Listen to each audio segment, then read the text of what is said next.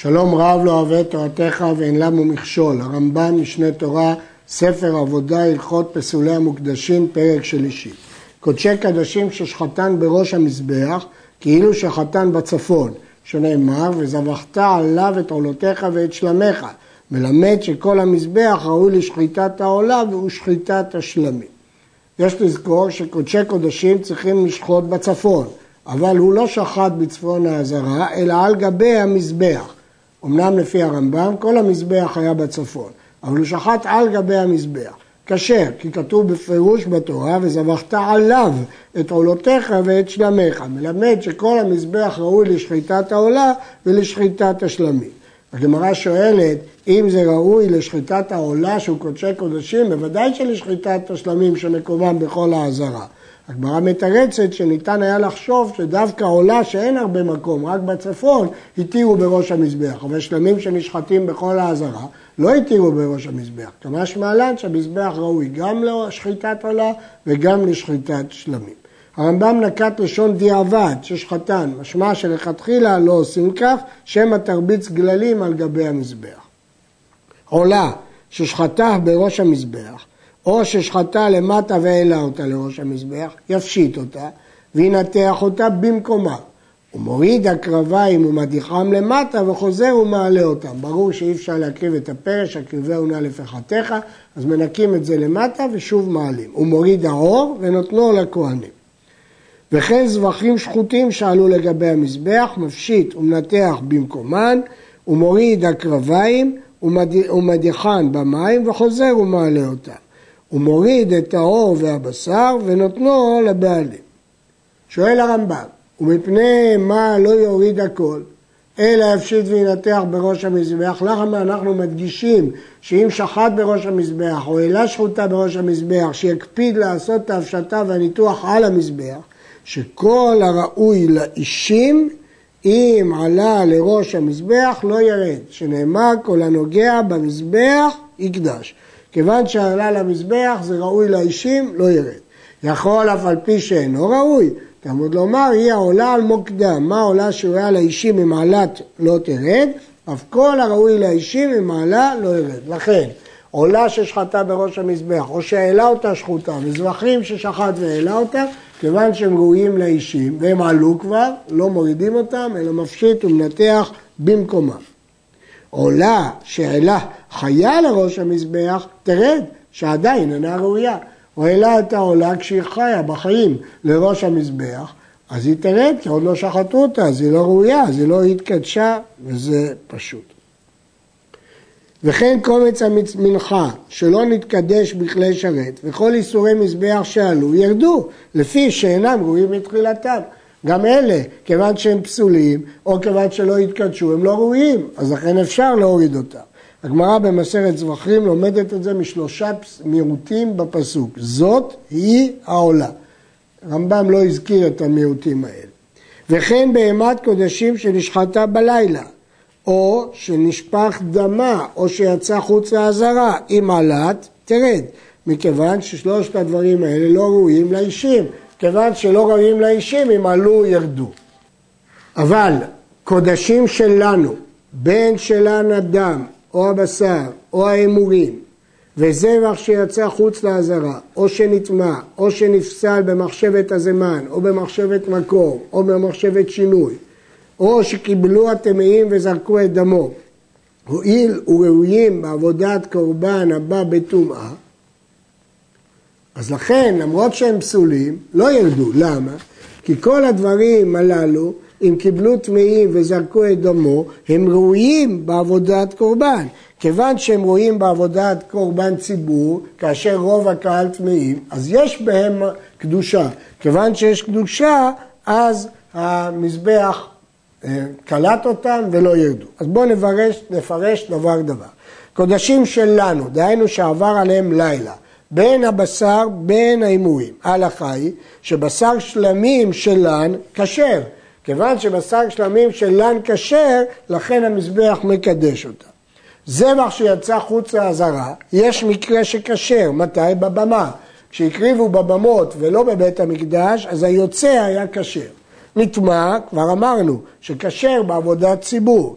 נפסל במחשבת הזמן, גם כן, הוא מרצה לעניין פיגול, חל על זה שם פיגול. לכן כל הדברים האלה, מחשבת המקום או מחשבת שינוי, זה לא פוסל. ולמה מחשבת שינוי שלא לשמה לא פוסל, אפילו בפסח וחטאת? כי ברוב הקורבנות, אם הוא שחט אותם שלא לשמן, כשרים. או שקיבלו טמאים וזרקו את דמו, אז עבודה שבאה בטומאה זה מועיל.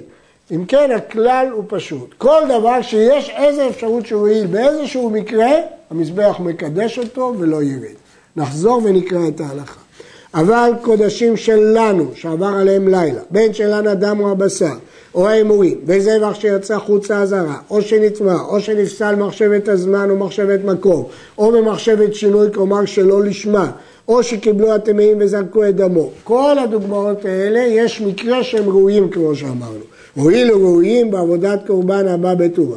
ושתתן דמו חוץ ממקומו, או קודשי קודשים שנשחטם בדרום, או שנתקבל דמם בדרום, אף על פי שכל אלו פסולים, אם עלו לראש המזבח, לא ירדו. כל שפסולו בקודש, הקודש מקבלו. וכשם שאם עלו לא ירדו, כך אם ירדו לא יעלו שנייה, שהרי הם פסולים הם. כלומר, אם הם כבר ירדו, לא מעלים אותם. ואם משלה בהם האור, אף על פי שירדו, יעלו שנייה וישלים הקטרתם. כיוון שכבר האור משל בהם, יש מחלוקת מה זה משל, עם רוב או כלשהו. בכל אופן, ברגע שהאש משלה בהם, מחזירים אותם ומשלימים את הקטרתם, כי הם כבר נעשו לחמו של מזבח, למרות שהם פסולים.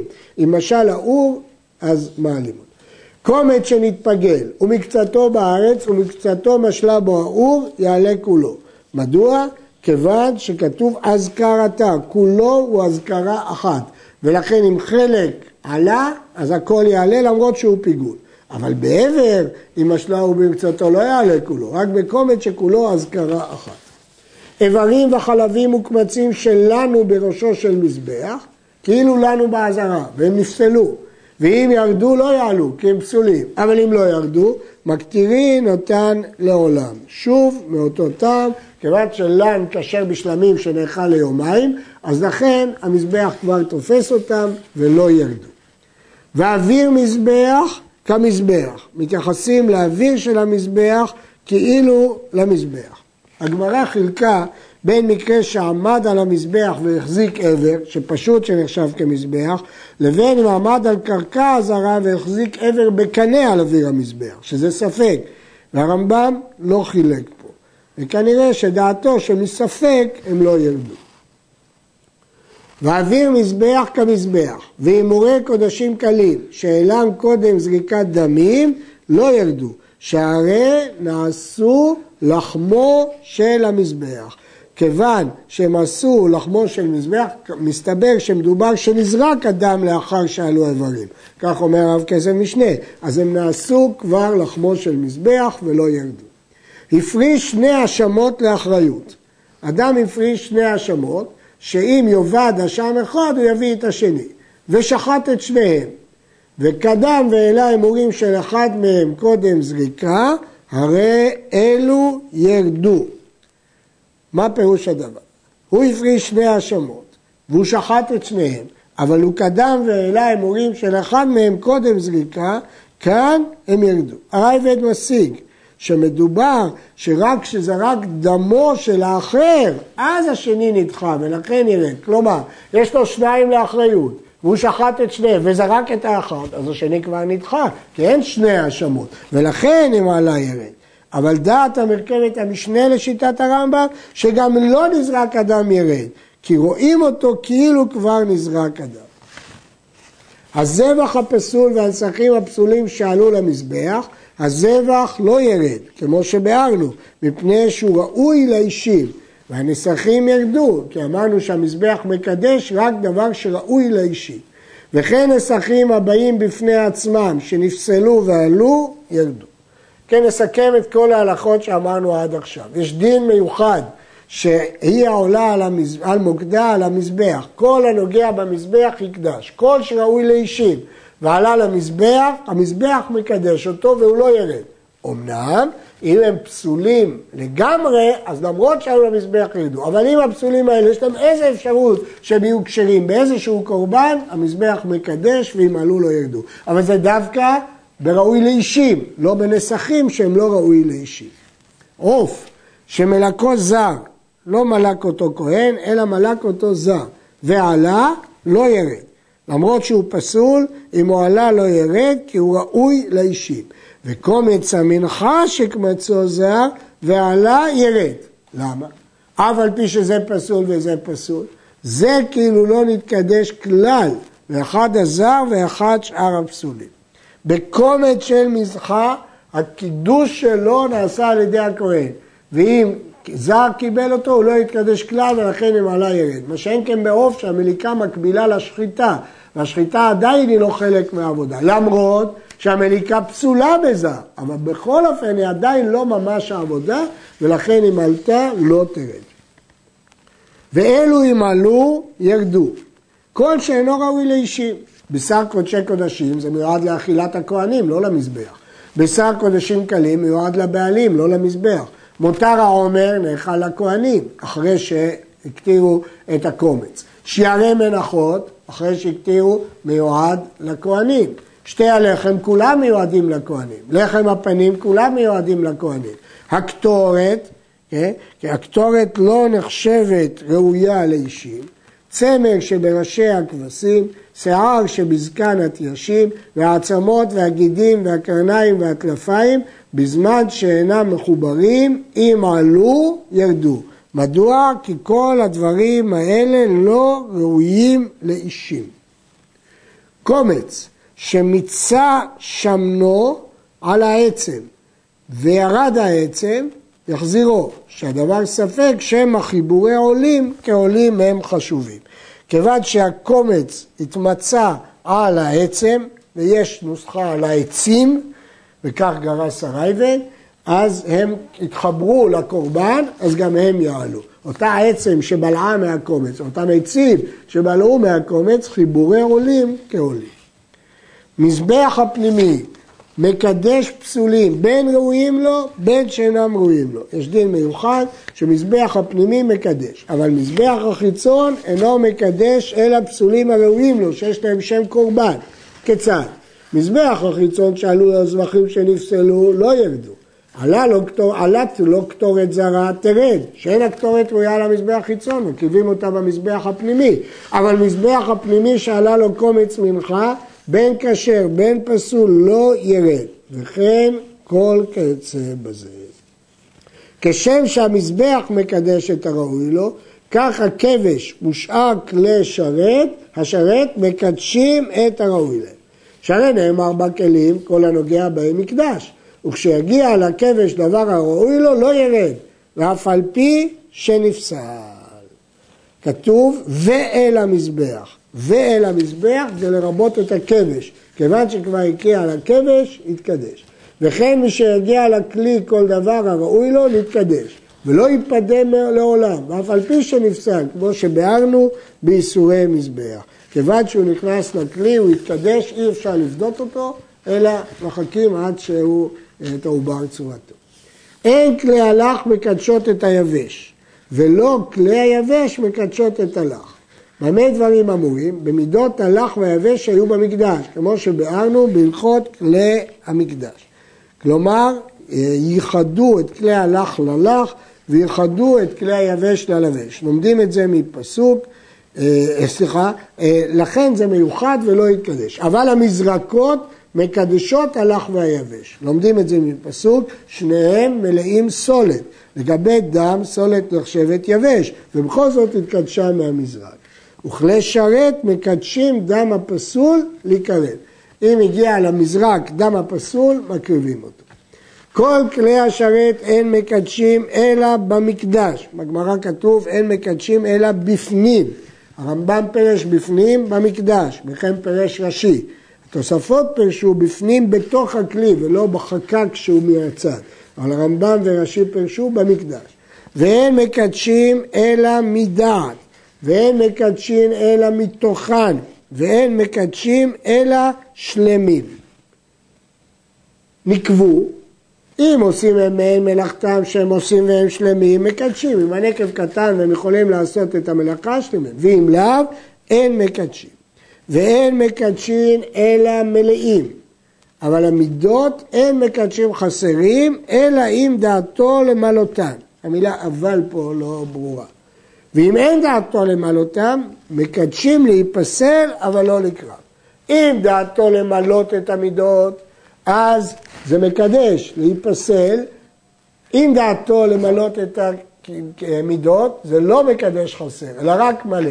אבל אם אין דעתו למלות אותם, זה מקדש להיפסל, אבל לא להיקרב. כלי שרת מקדשים שלא בזמנם להיפסל, אבל לא להיקרב. כיצד? דבר שמצוותו ביום, שנתקדש בכלי שרת בלילה, חלה עליו קדושה למרות שזה לילה. נפסל ויישרף, אבל אינו קרב, כי סוף סוף הוא יתקדש בלילה. כגון שקמץ מלחם בלילה ונתן קומצה לכלי שרת, הרי זו נשרפת. מזבח שנפגם, נפסלו כל קודשים שהיו שם שחוטים במקדש שעדיין לא נזרק דמם. שהרי אין שם מזבח לזרוק עליו, המזבח נפגם, אז ממילא כל הקודשים נפסלו. ונאמר, וזבחת עליו את עולותיך ואת שלמיך. כלומר, תזבח והוא עומד כתקנו, לא פגום. ולכן, כיוון שהקורבנות נדחו, הם נדחו. הם כבר לא בעלי חיים, הם שחוטים. הם נדחו, אז הם נדחו. אבל קודשים חיים שהיו שם בעזרה כשנפגם, לא נפסלו. למה? כי אין דיחוי בחיים. דבר שהוא בעל חיים, אין בו דיחוי. אלא כשיבנה המזבח יקרבו, שאין בעלי חיים נדחים.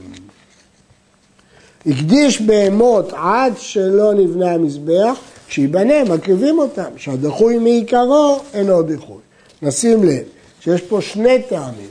טעם אחד שבעלי חיים אינם נדחים, טעם שני שכל דבר שעוד לא ראוי להקרבה, כשיהיה הקרבה הוא יהיה ראוי, זה לא נקרא שהוא נדחה, כי הוא לא היה ראוי ונדחה, הוא עוד לא היה ראוי בכלל. לכאורה למה צריך שני טעמים, גם שאין בעלי החיים נדחים וגם את הטעם של דיחוי מעיקרה. אומר עליכם משנה, זה בא אפילו לקמצי מנחה. וכן אין אוכלים קודשים והמזבח פגום, שנאמר ויאכלו המצות אצל המזבח, והוא הדין לקודשים קלים שאין אוכלים אותם בירושלים והמזבח פגום עד שייבנה. לומדים את זה מפסוק, ואת דמם תזרוק ואת חלבם תקטיר ובשרם יהיה לך. בשעה שראוי לזרוק את הדם של המזבח שלם, אז אתה אוכל את הבשר. אבל אחר שנהרס המזבח, אי אפשר לאכול. משמע מהרמב"ם שכשייבנה, מקריבים אותם. אפשר לאכול אותם. למה הם לא נדחו? כי אין דיחוי באוכלים. עד כאן.